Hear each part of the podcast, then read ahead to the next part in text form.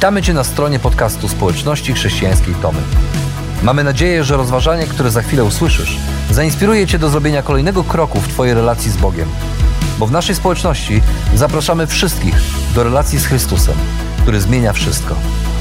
Dziękujemy za Twoje zainteresowanie i zapraszamy Cię do polubienia naszego profilu na Facebooku, Instagramie i YouTubie oraz ściągnięcia darmowej aplikacji na smartfona. Dobrego słuchania.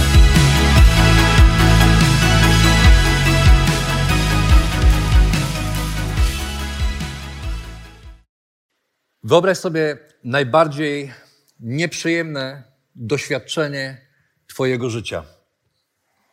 Takie doświadczenie, które w miarę upływu czasu wcale się nie kończy. I nie tylko się nie kończy, ale jeszcze im dalej w las, im dłużej trwa, tym jest gorzej, trudniej, bardziej. Takie doświadczenie, które kiedy już się nam wydaje, że, że już za chwilę, już, już za moment, już więcej nie wytrzymamy i to jest już ten moment, kiedy powinniśmy, kiedy powinna przyjść ulga, kiedy powinno być już lepiej, myślimy, że to już jest ten moment, ale nie. Okazuje się, że zamiast lepiej jest właśnie jeszcze gorzej, jeszcze bardziej zostajemy podcięci, jeszcze jest nam kolejny cios wymierzony w naszą twarz, jeszcze bardziej upadamy, jest gorzej niż mogliśmy sobie to wyobrazić. I kiedy sfrustrowany i zły, wyrzuca z siebie tak gdzieś w stronę może nieba, a może, może gdzieś w powietrze, bo nie wierzy, że tam w niebie ktoś może być, tylko myśli sobie, a może ktoś mnie usłyszy, a może nie, ale nawet jak mnie nie usłyszy, to chcę to w końcu powiedzieć, jak długo jeszcze? Jak długo jeszcze? I w odpowiedzi zamiast głosu, który powie, za chwilę to się skończy, słyszysz jeszcze trochę. Jeszcze, jeszcze trochę dłużej. Tak właśnie możemy się czuć, kiedy e, czytamy większą część księgi, którą nazywamy objawieniem świętego Jana. Bo czytanie księgi objawienia Jana jest jak oglądanie dobrego serialu albo filmu opartego na faktach. Kiedy oglądamy głównego bohatera i od samego początku widzimy, że coś się wydarzy. Widzimy, że, że on jest ostrzeżony przed tym. Na samym początku jest ostrzeżony przed tym, że będą działy się rzeczy trudne, że musi się przygotować na to, co się wydarzy, ale później te rzeczy faktycznie się wydarzają. To trochę tak jak, nie, nie wiem, dla mnie takim filmem, takim serialem, takimi serialami są wszystkie seriale, gdzie człowiek, niewinny człowiek trafia do więzienia. Jakby myślimy sobie, że za chwilę, no, no okej, okay, no może trafi do więzienia, ale zaraz będzie apelacja, potem druga, potem, potem coś się wydarzy i na pewno wyjdzie, ale zamiast tego, żeby było lepiej, jest jeszcze gorzej. I patrzymy, jak on dostaje kolejne ciosy, i patrzymy, jak się nie podnosi, i patrzymy, jak kolejni współwięźniowie zaczynają sobie z niego robić nie tylko żart, ale utrudniać mu życie. I potem myślimy sobie, nie, nie, nie, na pewno ktoś przyjdzie z pomocą i w momencie, kiedy wydaje nam się, że pojawia się taki przebłysk nadziei, przychodzi jakiś prawnik zdeterminowany, który powie, który mówi, tak, tak, tak, jest światełko w tunelu, może się uda i okazuje się, że się nie udaje. I kiedy on wraca do więzienia, jest jeszcze gorzej. I jest jeszcze gorzej. I dzieją się rzeczy, o których nawet trudno jest sobie wyobrazić. I myślimy sobie za chwilę, to się musi skończyć, ale się nie kończy. I oglądamy, i nie wiem jak wy, ale ja często siedzę wtedy, czy to pod kocem, czy na kanapie i kulę się w sobie i mam to, co, co moje dzieci nazywają cringe'em, czyli tak jestem w środku ściśnięty, myślę sobie, mój żołądek pęka i myślę sobie, to już nie może tak być, ja już nie jestem w stanie tego dłużej oglądać. I w tym momencie, samemu oglądając ten film, chcę zawołać i powiedzieć, jak długo jeszcze? No jak długo jeszcze? I w odpowiedzi słyszę, Albo widzę w kolejnej scenie jeszcze przez chwilę, jeszcze trochę. Ale ta chwila wydaje się po prostu nie mieć końca. Jeżeli znasz to uczucie, to właśnie w taki sposób często możemy czuć się, kiedy czytamy tę przedziwną, trudną, pełną różnych wizji, obrazów księgę objawienia. Jest to tym bardziej niezrozumiałe, że kiedy uświadomimy sobie, że ta księga została napisana jako list, który miał być listem pocieszenia, listem pocieszenia dla kościołów, które w tamtym czasie, 2000 lat temu, były, znajdowały się w Azji Mniejszych. Listem pocieszenia, który Jan apostoł, ten, który był jednym z najbliższych przyjaciół Jezusa, jego uczniem, skazany na banicję, na zesłanie, na, na wyspie Patmos, siedzi i ma objawienie. Bóg odsłania przed nim to, co ma się wydarzyć i mówi mu, zapisz to. I to ma być list pocieszenia, ale, ale czytamy ten list pocieszenia i mamy wrażenie, że to takie dziwne pocieszenie. Pocieszenie, w którym co róż wydarza się coś, co w ogóle, wcale ani przez chwilę pocieszeniem nie jest. Wręcz przeciwnie. Jan odsłania przed nami kolejne fakty, które ubrane w symbole, ubrane w wizje zaczerpnięte ze starożytnych ksiąg proroka Daniela, proroka Izajasza, proroka Zachariasza, wprowadzają więcej zamieszania więcej trwogi niż pocieszenia i spokoju. To trochę tak, jakbyśmy e, kładąc dziecko do snu, chcąc uspokoić je przed snem, zaczęli czytać jakąś straszną historię z potworami i, i, i straszydłami, albo zaczęli oglądać razem jakiś horror w nadziei, że ono zaśnie i będzie spokojne. Myślimy sobie, nie, nie, nie, nie. No po prostu to nie ma sensu. List pocieszenia do kościoła, do wierzących ludzi, to w ogóle nie ma sensu. Chyba, że.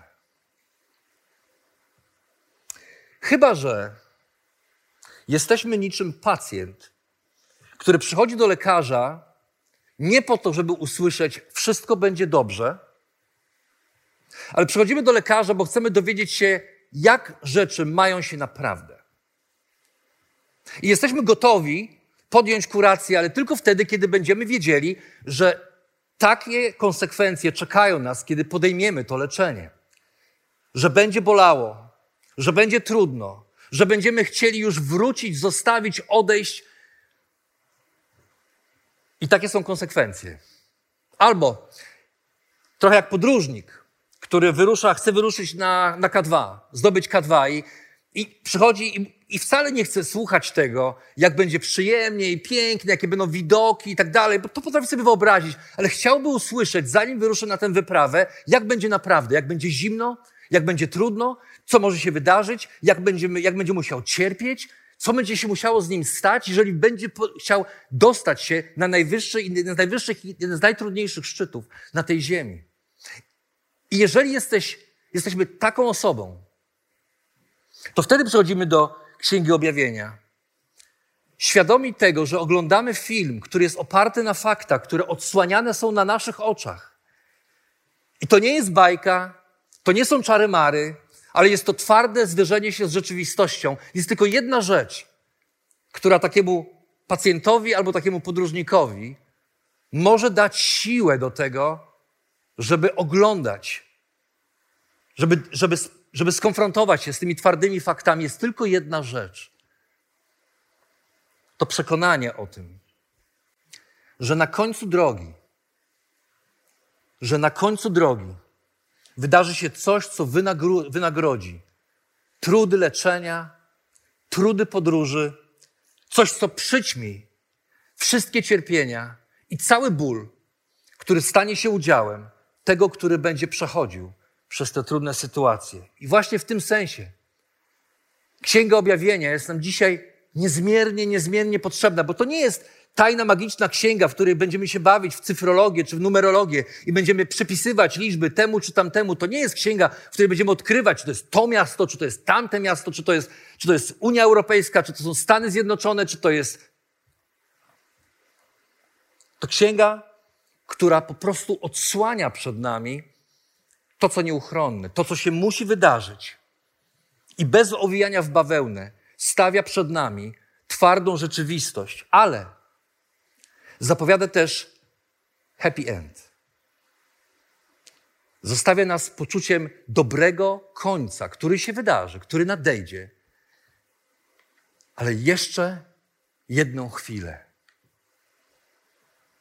I tego końca nikt nie jest w stanie powstrzymać ani zniszczyć, ponieważ tę historię pisze sam wszechmogący Bóg.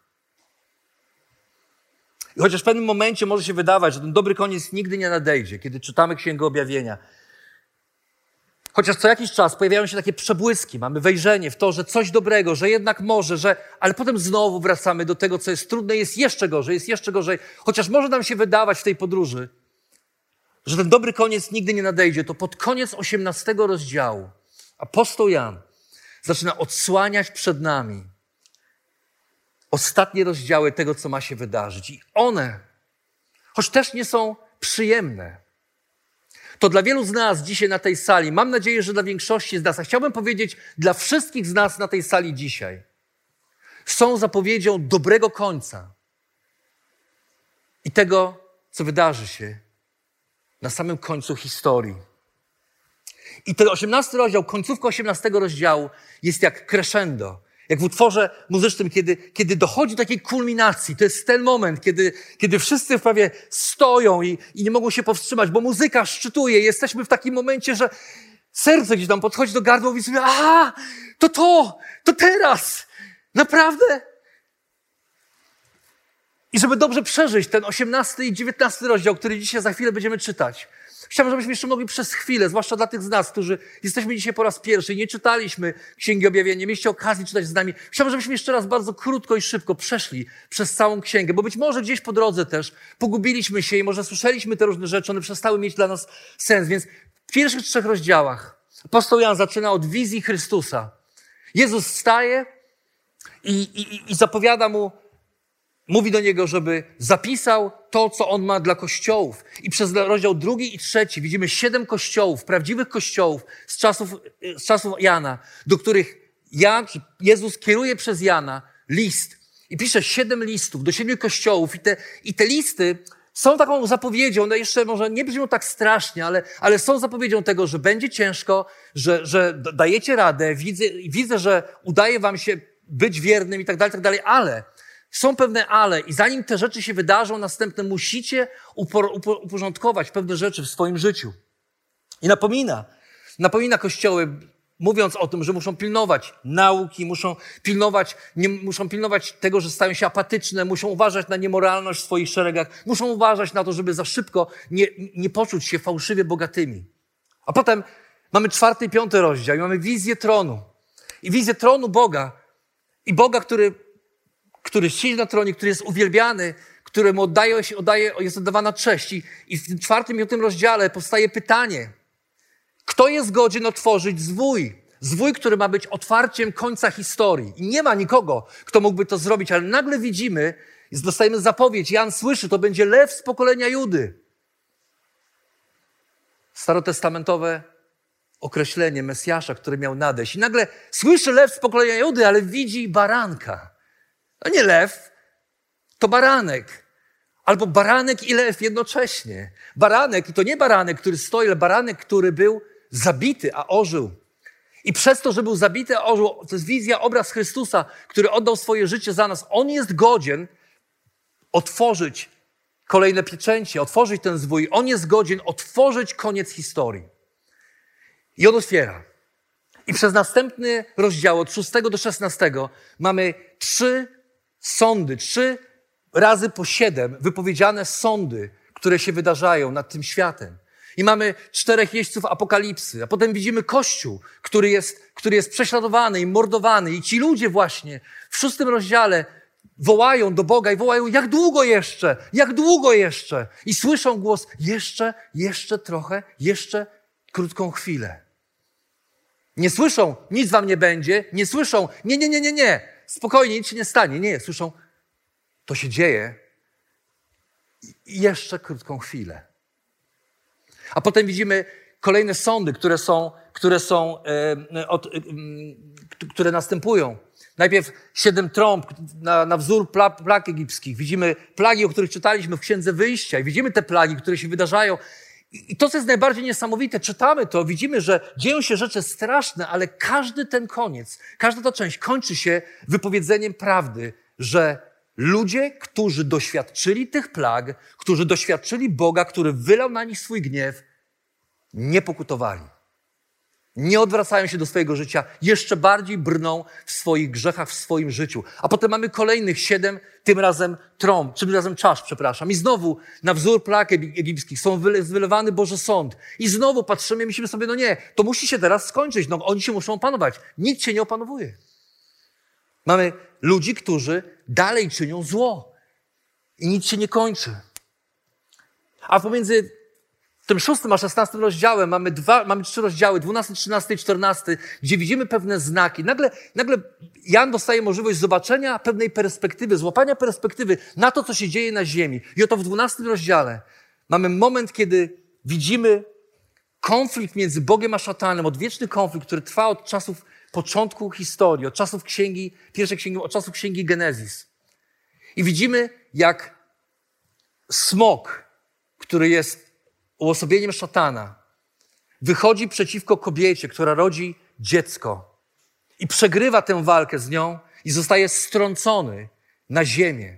I kiedy przychodzi na ziemię, zaczyna zwodzić ludzi i przyciągać ich do siebie. A potem mamy obraz dwóch bestii, które osobiają militarne i ekonomiczne potęgi tego świata, które zaufały smokowi i idą za smokiem i są na usługach smoka i nie chcą się podać. Każda z tych potęg wierzy w to, że jest potężna, że jest wielka i że nic się jej nie stanie.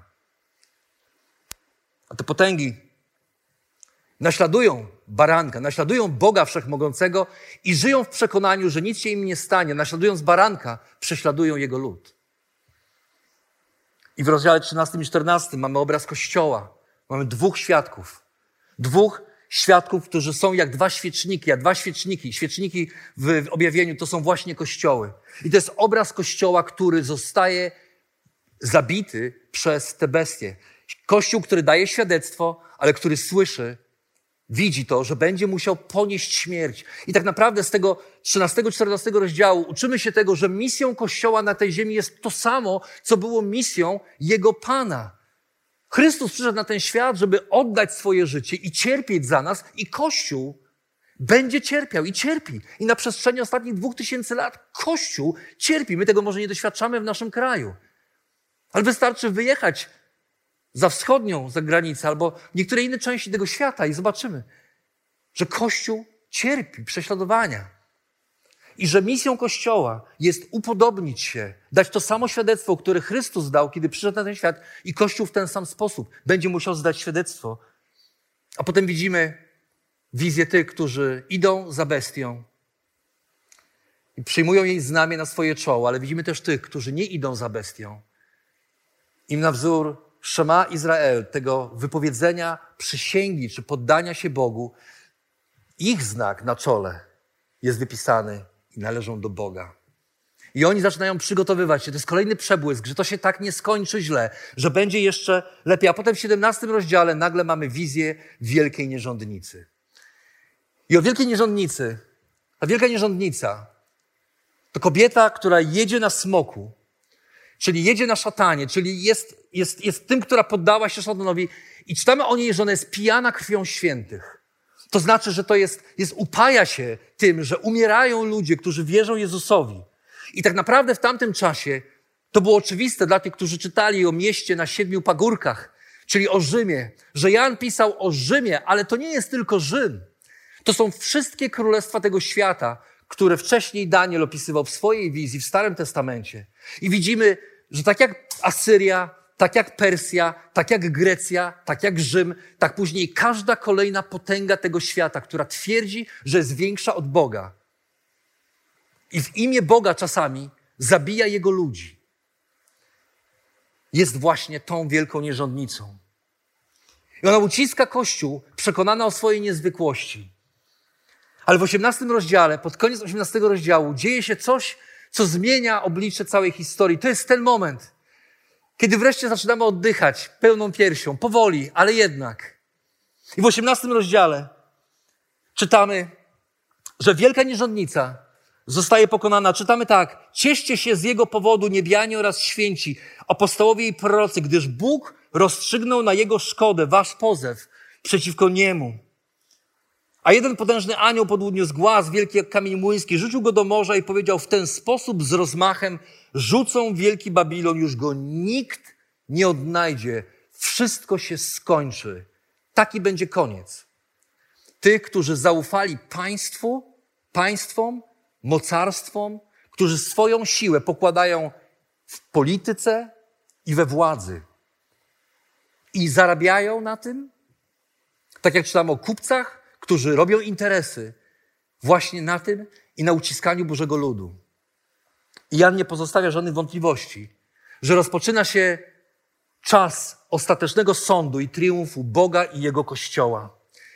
I kiedy jeszcze słyszymy tę pieśń pokonania wielkiej nierządnicy, tę pieśń wyrzucenia jej i zniszczenia na zawsze, jeszcze słyszymy te dźwięki, ale za chwilę pojawia się jeszcze piękniejsza pieśń. I czytamy potem, doszło mnie z nieba wyraźne wołanie. Oto pieśń zwycięstwa. Przypominało odgłos ogromnego tłumu. Usłyszałem słowa Alleluja. To słowo Alleluja jest, jest w Biblii, w Nowym Testamencie użyte tylko cztery razy. Tylko w tej pieśni. Na wzór starotestamentowego Halleluja które oznaczało ni mniej, ni więcej, jak po prostu chwała Bogu. I dopiero w tym momencie, w całej księdze objawienia, pełnej cierpienia, bólu i udręki, w tym momencie pojawia się nagle wielki głos, wielki krzyk: Alleluja! Zbawienie, chwała i moc należą do naszego Boga, gdyż słuszne i sprawiedliwe są Jego wyroki, bo osądził wielką nierządnicę, która swą rozpustą psuła ziemię, ukarał ją za krew swoich sług, przelaną z Jego ręki. A następnie usłyszałem, Alleluja! Jej dym unosi się na wieki. To znaczy, że to nie jest na chwilę zwycięstwo, ale to już jest koniec. To już jest definitywny koniec tego, co się miało wydarzyć. I już więcej to miasto, i już więcej to mocarstwo, i już więcej ten ucisk się nie podniesie. To już jest koniec. Wówczas 24 starszych upadło w pokłonie. Podobnie cztery istoty pokłoniły się Bogu, który siedzi na tronie. Usłyszałem Amen i po raz trzeci Alleluja. A od strony tronu zabrzmiało wezwanie: Uwielbiajcie naszego Boga. Wszyscy Jego słudzy, wy, którzy go czcicie, mali oraz wielcy. I zwycięstwo nad wielką nierządnicą jest jednym z pierwszych, jest pierwszym z trzech triumfów Boga, w których On po kolei sądzi wszystkich tych, którzy odważyli się wystąpić przeciwko Niemu i przeciwko Jego Kościołowi. To jest moment sądu, w którym Bóg triumfuje, osądza raz na zawsze zło, nieprawość, to zło i nieprawość, która panoszy się po świecie i, jak to pisze Jan, upaja się krwią, zwłaszcza krwią świętych. Jan mówi, i to będzie koniec. Ona zostaje, wielka nierządnica, to uosobienie władców i możnych tego świata zostaje osądzona i wrzucona w otchłań nicości. I to, co było potężne w oczach ludzi, jest niczym w obliczu wszechmocnego i potężnego Boga. I dlatego ci, którzy są tego świadkami, padają na kolana i oddają mu cześć, ponieważ, ponieważ tylko Bóg, tylko Bóg mógł tego dokonać. Zaczyna się czas wielkiego świętowania i zaraz po pieśni zwycięstwa mamy kolejną pieśń. To jest kolejne, czwarte już Alleluja. To pieśń weselna. Wtedy doszedł mi głos jak okrzyk wielkiego tłumu, jak szum potężnych wód, jak łoskot silnych gromów. Usłyszałem Alleluja! Chwała Bogu po raz czwarty. Pan, nasz wszechmogący Bóg, objął panowanie. Cieszmy się, weselmy, oddajmy Mu chwałę, bo nadeszło wesele baranka, a jego małżonka gotowa. To jest o nas. To jest o Jego Kościele. Bóg mówi, to wszystko się działo, to działy się rzeczy straszne, ale jest moment. I wszyscy na niego czekamy. Tak jak, tak jak panna młoda czeka na moment, kiedy będzie mogła wyjść za mąż za swojego pana młodego, za swojego przyszłego męża. To jest ten moment wyczekiwania, który dochodzi do końca. I Jan mówi, on się, on się wydarzy. I małżonka jest, czy pana młoda jest gotowa, baranek, czyli Jezus stoi i czeka. Pozwolono jej przywdziać czysty, lśniący bisior. Nie wiem, czy wiecie, ale bisior to jedna z najdroższych tkanin, jakie w ogóle tkano na ziemi. Bisior nazywany jest inaczej jedwabiem morskim. I to była najdroższa tkanina starożytnego świata. Tkano ją z, z, z nitek, które wypuszczały małże, przytrzymując się, specjalny rodzaj małży, które przytrzymywały się do podłoża. I to zbierano, te nitki zbierano i tkano bisior. cienka i delikatna tkanina mogła wytrzymać nawet pięć tysięcy lat. I chociaż sama w sobie była przezroczysta, tak naprawdę, kiedy padało na nią słońce, mieniła się różnymi barwami, jakie tylko można sobie wyobrazić. I do dzisiaj żyje jedna kobieta na świecie, podobno jeszcze żyje, która wytwarza bisior na, um, na wyspie niedaleko Sardynii. I w taki właśnie najdroższy, najcenniejszy materiał przyodziana jest panna młoda, czyli Kościół. I ten, ta, ten bisior, ta czystość oznacza sprawiedliwe czyny święty. Kościół staje czysty wobec swojego oblubieńca. Do mnie zaś anioł powiedział, napisz, szczęśliwi ci, błogosławieni ci, którzy zostali zaproszeni na weselną ucztę baranka. I dodał, to są prawdziwe słowa Boga. A wtedy Jan pisze, upadłem. Upadłem, by mógł się pokłonić, lecz on mnie powstrzymał, nie rób tego. Nie kłaniaj się mi. Nie mi, nie aniołowi, ponieważ ja jestem współsługą Twoim oraz Twoich braci, którzy mają świadectwo Jezusa. Pokłon oddaj Bogu, a tym świadectwem jest Jezusa, jest duch proroctwa. Jezus Chrystus staje na ślubnym kobiercu. Jeżeli byliście kiedykolwiek na ślubie albo, albo sami pamiętacie dzień swojego ślubu, pamiętacie ten moment. Jeżeli jesteście mężczyznami, pamiętacie, jak staliście i nie mogliście się doczekać? Aż zobaczycie, nie widzieliście sukni, nie widzieliście swojej przyszłej żony przed i czekaliście, jak będzie wyglądać, ale jedno, jednego byliście pewni. Będzie wyglądać najpiękniej na świecie. I Chrystus stoi i czeka na swoją pannę młodą i panna młoda wychodzi.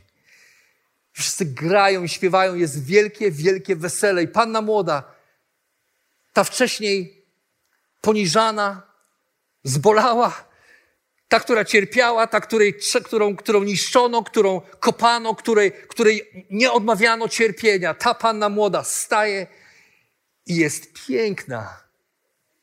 Jest piękna nie tylko pięknem szaty, w którą została, którą została obdarzona, ale jest też piękna spojrzeniem swojego oblubieńca, ponieważ Chrystus patrzy na nią, tak jak książę z bajki o Kopciuszku patrzy na Kopciuszka.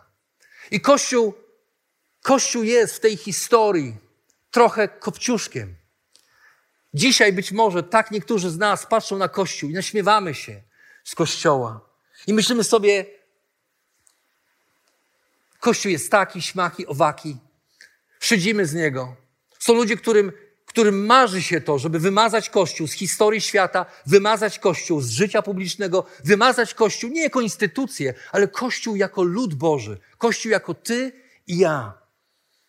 A Kościół dzisiaj być może jest jak Kopciuszek, z tą różnicą, że to nie jest bajka, ale to jest prawdziwa historia, która się dzieje na naszych oczach. I obraz, który widzimy, chociaż bajkowy, jest tak naprawdę wypełnieniem proroctwa który apostołowie opisywali na kartach swoich listów, zwłaszcza apostoł Paweł, który mówił o Kościele i o Chrystusie.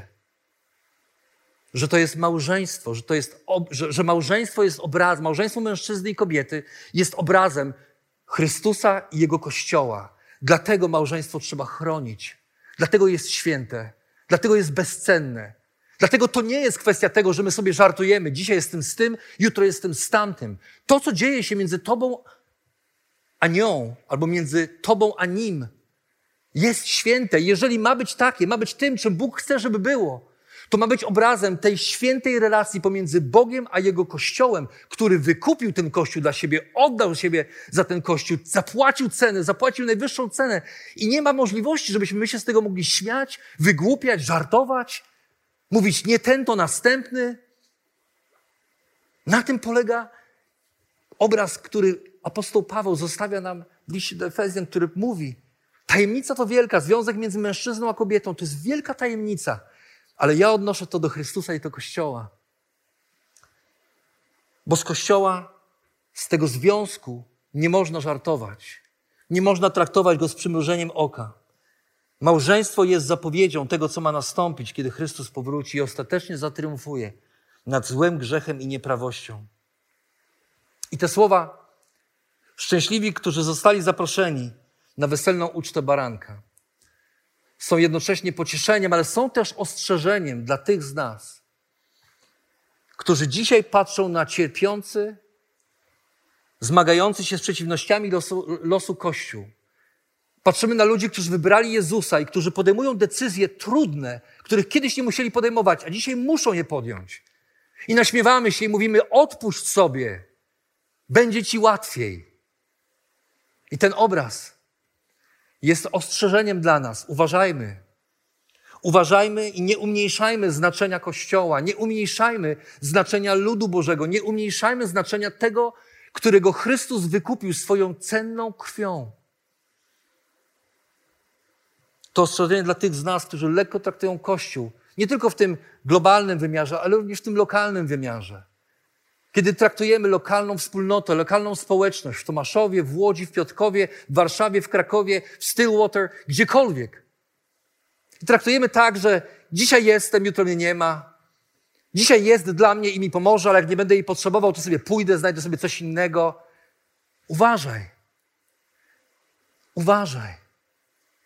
Bo Kościół w oczach Boga jest święty. On oddał całego siebie za ten Kościół. I tak, dzisiaj ten Kościół być może wygląda jak kopciuszek.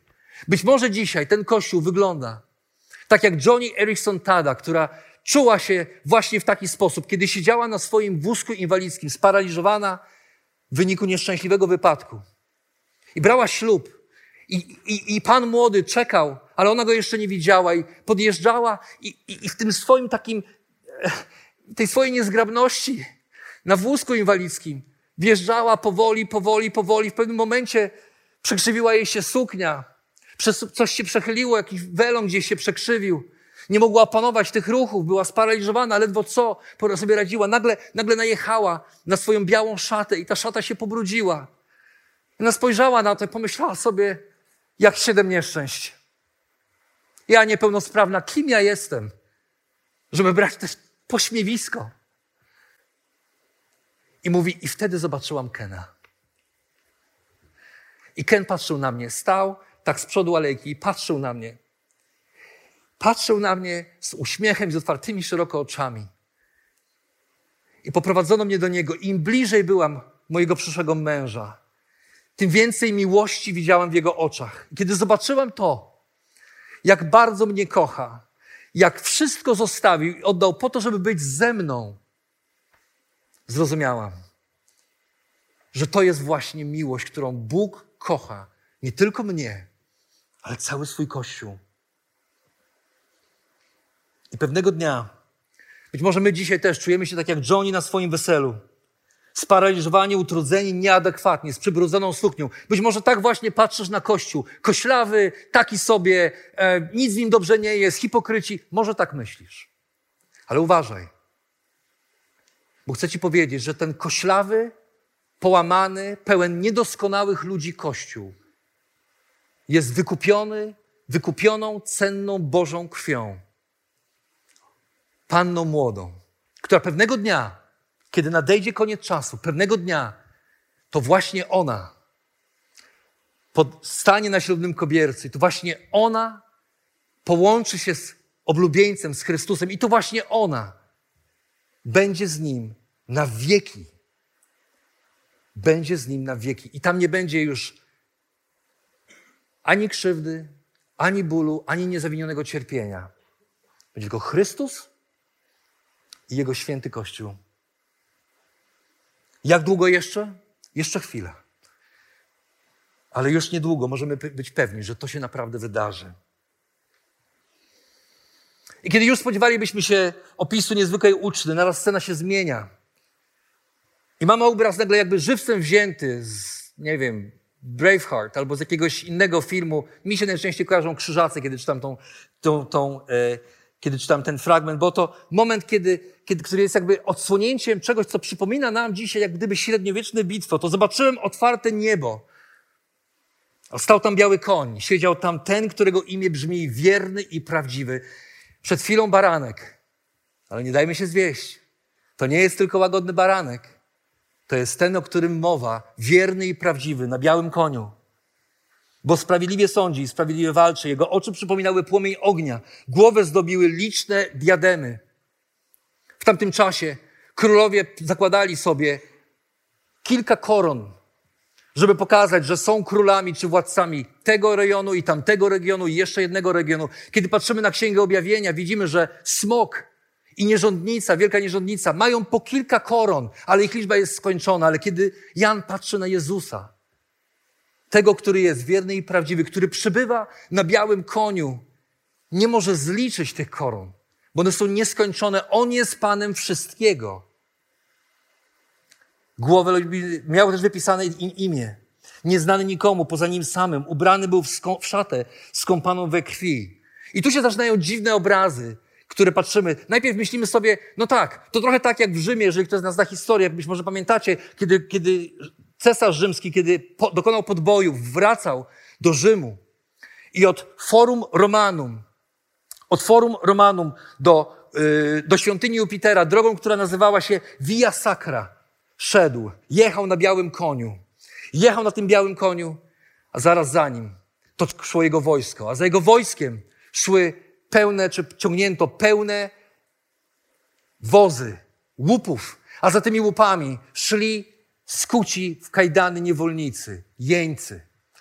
I tych jeńców jeszcze tu nie ma. To jest zapowiedź kolejnego obrazu, którego dzisiaj nie będziemy czytać. Wrócimy do niego za, za tydzień. Ale ten, który przychodzi, jest zwycięzcą. Tylko opis tego króla znowu jest dziwny, bo to król zwycięski. Czytam o tym, że ubrany był w szatę skąpaną we krwi. Jeszcze się wojna nie zaczęła, jeszcze walka nie została podjęta, a jego szata jest już skąpana we krwi. Dlaczego? Dlatego, że to jest ten, który zapłacił swoją krwią za ostateczne Twoje i moje zwycięstwo.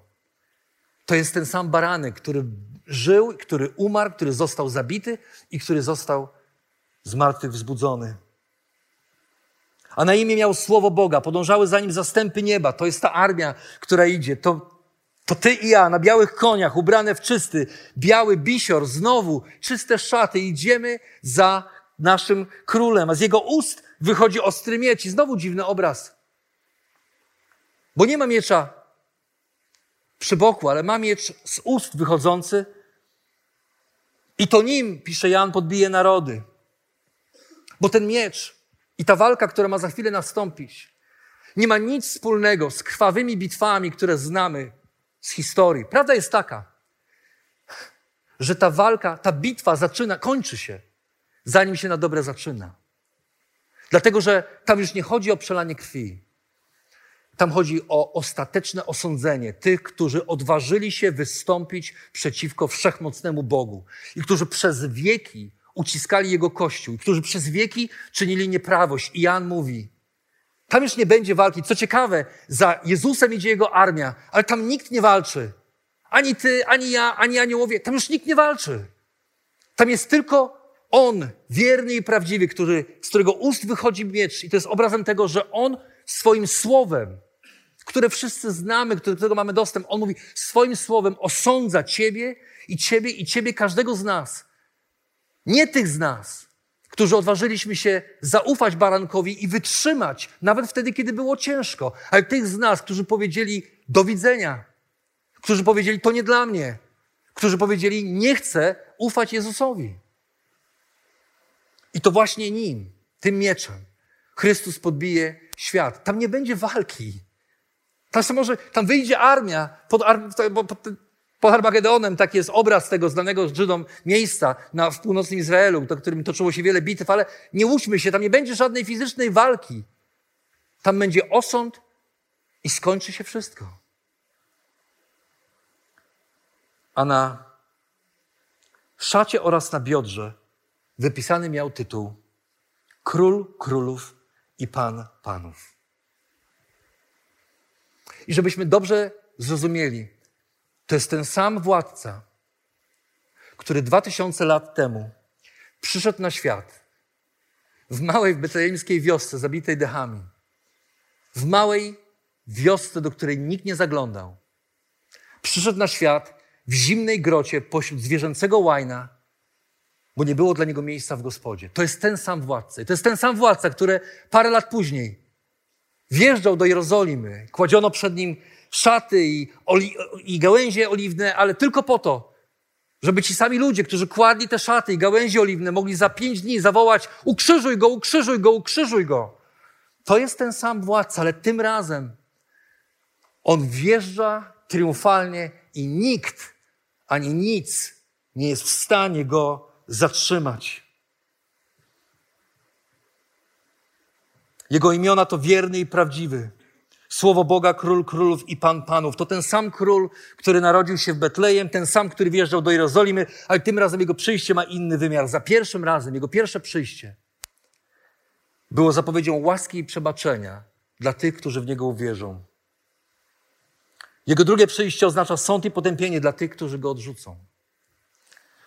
Jego pierwsze przyjście to 2000 lat temu to była misja ratunkowa dla tych, którzy byli zgubieni i bez nadziei. Jego drugie przyjście to misja zniszczenia dla tych, którzy go odrzucili i którzy postanowili wystąpić przeciwko niemu. Jego pierwsze przyjście to początek czasu łaski, a jego ponowne przyjście to początek ostatecznego sądu. I ci, którzy skorzystali z czasu łaski, którzy zaufali mu i pomimo przeciwności losu wytrwali z nim do końca, nie mają się czego obawiać. Będą częścią pochodu zwycięzców, ale ci, którzy nie skorzystali z czasu łaski, i którzy odrzucili go, będą osądzeni i pokonani. Stają się częścią jeszcze jednej uczty, już ostatniej uczty, którą widzimy. Ale to nie jest uczta, na którą chcielibyście dostać zaproszenie. Tamta uczta była ucztą weselną. Na tamtą ucztę jesteśmy zaproszeni, my wszyscy, którzy zaufaliśmy Jezusowi. Ale ostatnia uczta i ostatni obraz, który Jan nam zostawia w tym fragmencie, to uczta ptaków. Anioł zwołuje ptaki. Chodźcie, zbierzcie się na wielką ucztę przygotowaną przez Boga. Będziecie jeść zwłoki królów, wodzów, mocarzy, koni i jeźdźców. To będzie ostateczny koniec tych, którzy poszli za bestią i za fałszywym prorokiem. To będzie ostateczny koniec tych, którzy dali się zwieść. I czytamy, że pozostali, bestia i fałszywy prorok, zostali wrzuceni żywcem do jeziora ognia płonącego siarką, a pozostali polegli od miecza wychodzącego z ust jeźdźca na koniu. W ten sposób wszystkie ptaki najadły się ich ciałami. I w ten sposób Księga Objawienia z listu pocieszenia dla tych, którzy zaufali Chrystusowi, staje się po raz kolejny listem ostrzeżenia dla tych, którzy go odrzucili. I podobnie jak wielka nierządnica, tak samo fałszywy prorok, tak samo bestia, zostają ostatecznie unicestwione. Mocarstwa ekonomiczne i polityczne, ci wszyscy, którzy zaufali sobie i swojej potędze i uwierzyli w swoją wielkość i siłę, zostają upokorzeni, a ich ciała stanowią ucztę dla ptaków. Księga Objawienia może być dla nas księgą pocieszenia, ale może być też dla nas księgą ostrzeżenia. W swojej książce 50, 50 y, Days of Heaven, 50 dni nieba, Randy Alcorn opowiada historię swojej przyjaciółki Rutheny Metzger. Rutheny była piosenkarką. Została zaproszona, aby zaśpiewać na ślubie pewnego bogatego człowieka. Wesele bardzo wystawne odbywało się na górze najwyższego budynku w Seattle, w Columbia Tower. I kiedy Państwo młodzi przybyli, kiedy przecięto wstęgę i młodzi ruszyli szklanymi schodami na weselne przyjęcie, Tuż przed wejściem na salę stał pewien człowiek, jeden z prowadzących wesele z wielką księgą. I kiedy Rutana razem ze swoim mężem podeszła do niego, zapytał, powiedział, pani nazwisko poproszę. Nazywam się Rutana Metzger, to jest mój mąż Roy, odpowiedziała. I mężczyzna zaczął szukać czegoś w tej księdze. Po chwili powiedział, nie widzę takiego nazwiska, proszę przeliterować. A Rutana przeliterowała swoje nazwisko na co usłyszała, przykro mi, ale nie ma pani na liście. Jak to nie ma, to musi być jakaś pomyłka. Przecież jestem piosenkarką, proszę pani. Proszę pani, nie ma znaczenia, kim pani jest i co pani robi. Jeśli pani imienia nie ma w księdze, nie mogę zaprosić, wpuścić pani na bankiet. Po czym zwrócił się do kelnera i powiedział: Proszę odprowadzić państwa do windy. Kiedy Rutana i Roy ruszyli z niedowierzaniem w stronę windy, zobaczyli przez szklane ściany suto zastawione stoły i ubranych odświętnie ludzi i orkiestrę, która była gotowa, żeby grać. I popatrzyli przez tą szklaną szybę, zjechali do garażu, wsiedli w samochód Minęło kilkanaście, kilkadziesiąt minut. W końcu Roy położył, ramię, położył rękę na ramieniu swojej żony i powiedział: Kochanie, co się stało? Na co Rotana przez łzy odpowiedziała: Kiedy dostaliśmy zaproszenie, byłam bardzo zajęta i do głowy mi nie przyszło, żeby potwierdzić swoją rezerwację. Przecież jestem piosenkarką, myślałam, że będę mogła wejść. Bez zbędnych ceregieli. Przecież wszyscy wiedzą, kim jestem. I głośno zapłakała. Nie tylko dlatego, że przegapiła najpiękniejsze wesele, na jakie kiedykolwiek była zaproszona, ale zdała sobie sprawę z tego, że w tej jednej prostej sytuacji zobaczyła zaledwie przedsmak tego, co zdarzy się z tymi, którzy pewnego dnia staną przed Jezusem i okaże się, że ich imiona nie są w księdze życia i że nie będą mogli wziąć udziału w jego weselnej uczcie. Bo Księga Objawienia to list pocieszenia dla tych, którzy zaufali Chrystusowi, ale również list ostrzeżenia dla tych, którzy jeszcze myślą, że mają czas, że jeszcze dadzą radę, że jeszcze jakoś to będzie i że być może w oparciu o siebie i swoje uczynki, i swoją dobroć, i swoją, swoje zdolności staną pewnego dnia przed Chrystusem, a On powie: chodź, chodź, znamy się. Nie. Niestety nie. Dlatego Chrystus powróci. Nie wątmy w to. Chrystus powróci. Już nie jako małe dziecko, już nawet nie jako dobry, łagodny sługa, ale Chrystus powróci jako król królów i pan panów, aby świętować z tymi, którzy trwali wiernie u Jego boku i ostatecznie osądzić tych, którzy wystąpili przeciwko Niemu. Dlatego już dzisiaj, dzisiaj zdecyduj, po której jesteś stronie. W której uczcie chcesz wziąć udział? Uczcie weselnej czy uczcie ptaków?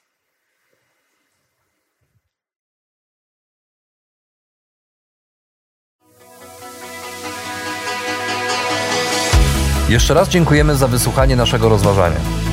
Jeżeli mieszkasz w okolicach Tomaszowa Mazowieckiego lub Łodzi, zapraszamy Cię do odwiedzenia nas na niedzielnym nabożeństwie. Więcej informacji znajdziesz na stronie schatomy.pl.